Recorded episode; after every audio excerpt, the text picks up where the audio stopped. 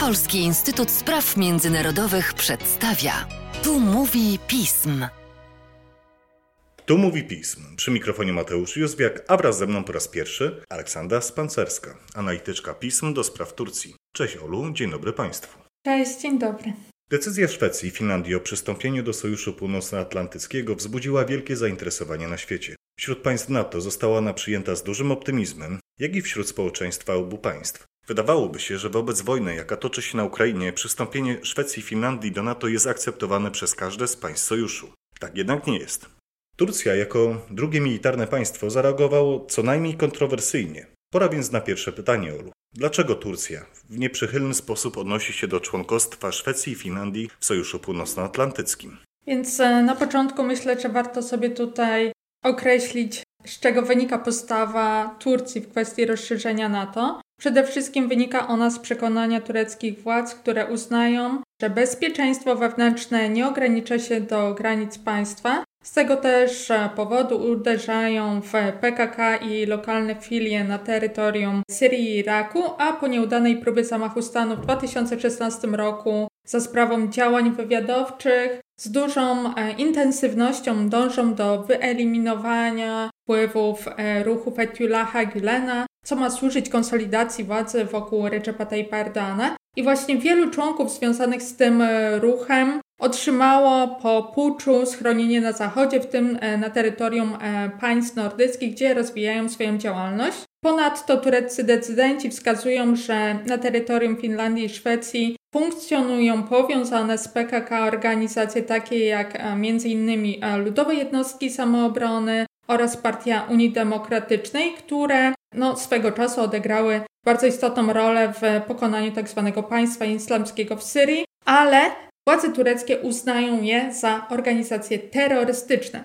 Strona turecka także uzasadniając swój sprzeciw wskazuje na to, że nie może sobie pozwolić na popełnienie takiego samego błędu, jakie uważa umożliwienie powrotu Grecji do struktur NATO w 1980 roku. Turcy e, obecnie, tureckie władze uznają, że to był błąd i użycie wówczas weta w przekonaniu decydentów pozwoliłoby teraz uniknąć wielu sporów z Grecją, innymi e, próby zablokowania przez jej premiera sprzedaży myśliwców e, F-16 do Turcji podczas wizyty w Stanach Zjednoczonych w maju bieżącego roku. No cóż, w takim razie pora przejść do kwestii związanej z tym, jakie są oczekiwania Turcji w takim razie. Tureccy decydenci dają do zrozumienia swoim sojusznikom, że nie podoba im się to, że ich potrzeby są traktowane jako drugorzędne, że te potrzeby są lekceważone i w związku z tym oczekują od Szwecji i Finlandii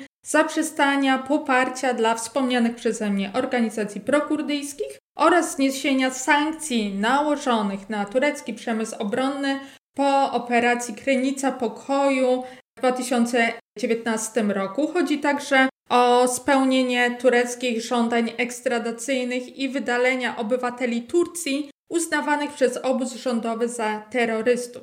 Tureccy decydenci domagają się od państw nordyckich podjęcia konkretnych działań i uważają, że akcesja Szwecji i Finlandii do NATO nie może posunąć się do przodu, jeśli obawy dotyczące bezpieczeństwa Turcji nie zostaną spełnione. I tutaj myślę, że można przypuszczać, że Turcy uznali chęć przystąpienia Szwecji i Finlandii do NATO za taką dogodną okoliczność, aby wywrzeć wpływ na Stany Zjednoczone.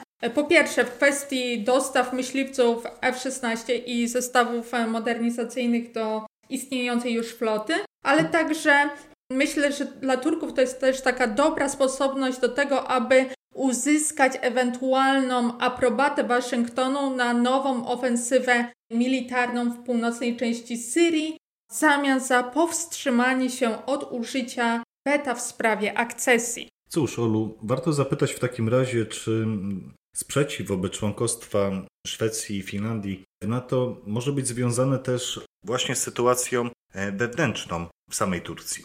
Myślę, że to jak najbardziej ma związek z turecką polityką wewnętrzną. E, poprzez posługiwanie się takim argumentem weta wobec członkostwa Szwecji i Finlandii w NATO, Recep Tayyip Erdoğan eksponuje wizerunek silnej Turcji na arenie międzynarodowej i w ten sposób mobilizuje ten konserwatywno-nacjonalistyczny elektorat przed wyborami w 2023 roku. Poza tym w jego interesie też jest to, aby odwrócić uwagę społeczeństwa od negatywnej sytuacji gospodarczej w kraju. Oprócz tego warto nadmienić, że ta turecka scena polityczna w kwestii członkostwa Szwecji i Finlandii e, też nie, nie ma jakichś jednolitych e, opinii. Na przykład e, lider MHP, czyli koalicja rządzącej Partii Sprawiedliwości i Rozwoju, uważa, że Szwecja jest ośrodkiem separatystycznego terroru w Europie Północnej i uważa, że kwestia obecności Turcji w NATO powinna być rozważana, tak, że to nie jest e, jedyna alternatywa dla Turcji. Z kolei tutaj opozycja mm, bardzo wyraźnie podnosi to, że to, co robi Recep Tayyip Erdoğan w kwestii akcesji tych państw do NATO, to jest szkodliwe dla wizerunku Turcji i oskarżają go o instrumentalizację sprawy. No cóż, skoro mówisz o szkodliwości wizerunku Turcji, to warto zapytać, co sądzisz, czy właśnie taka, nie inna postawa Turcji może wpłynąć na spójność całego sojuszu? Myślę, że w długofalowej perspektywie oczywiście to będzie miało negatywny wpływ na reputację Turcji w NATO i na spójność samego sojuszu. Turcy obecnie deklarują, że nie czują się pod presją czasu i uważają, że ten dalszy przebieg negocjacji będzie uzależniony od kroków, jakie Szwecja i Finlandia podejmą e, w kwestii zaspokojenia obaw Turcji w zakresie potrzeb bezpieczeństwa. Myślę, że jeśli e, strony nie, nie dojdą do porozumienia, to to przystąpienie państw nordyckich do sojuszu będzie opóźnione, przyciągnie się w czasie i te dyskusje mogą być ewentualnie kontynuowane po szczycie NATO w Madrycie.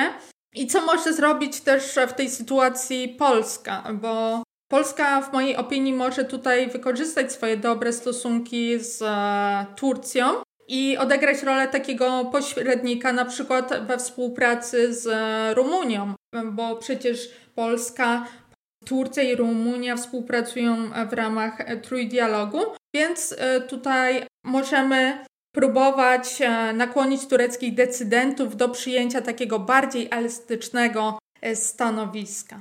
A czy tak się stanie, przekonamy się w najbliższych tygodniach i miesiącach. Jedno jest pewne: Szwecja i Finlandia dążą do Sojuszu Północnoatlantyckiego, a postawa turecka stanowi bardzo duże wyzwanie dla polityki bezpieczeństwa. Tymczasem dziękuję Ci, Olu, za dzisiejszy podcast. Dziękuję bardzo za rozmowę. A Państwa zaś zachęcam do śledzenia naszej strony internetowej, czytania najnowszych biuletynów i komentarzy, śledzenia mediów społecznościowych, także naszego kanału na YouTube. Z mojej strony to wszystko. Dziękuję Państwu za uwagę i do usłyszenia.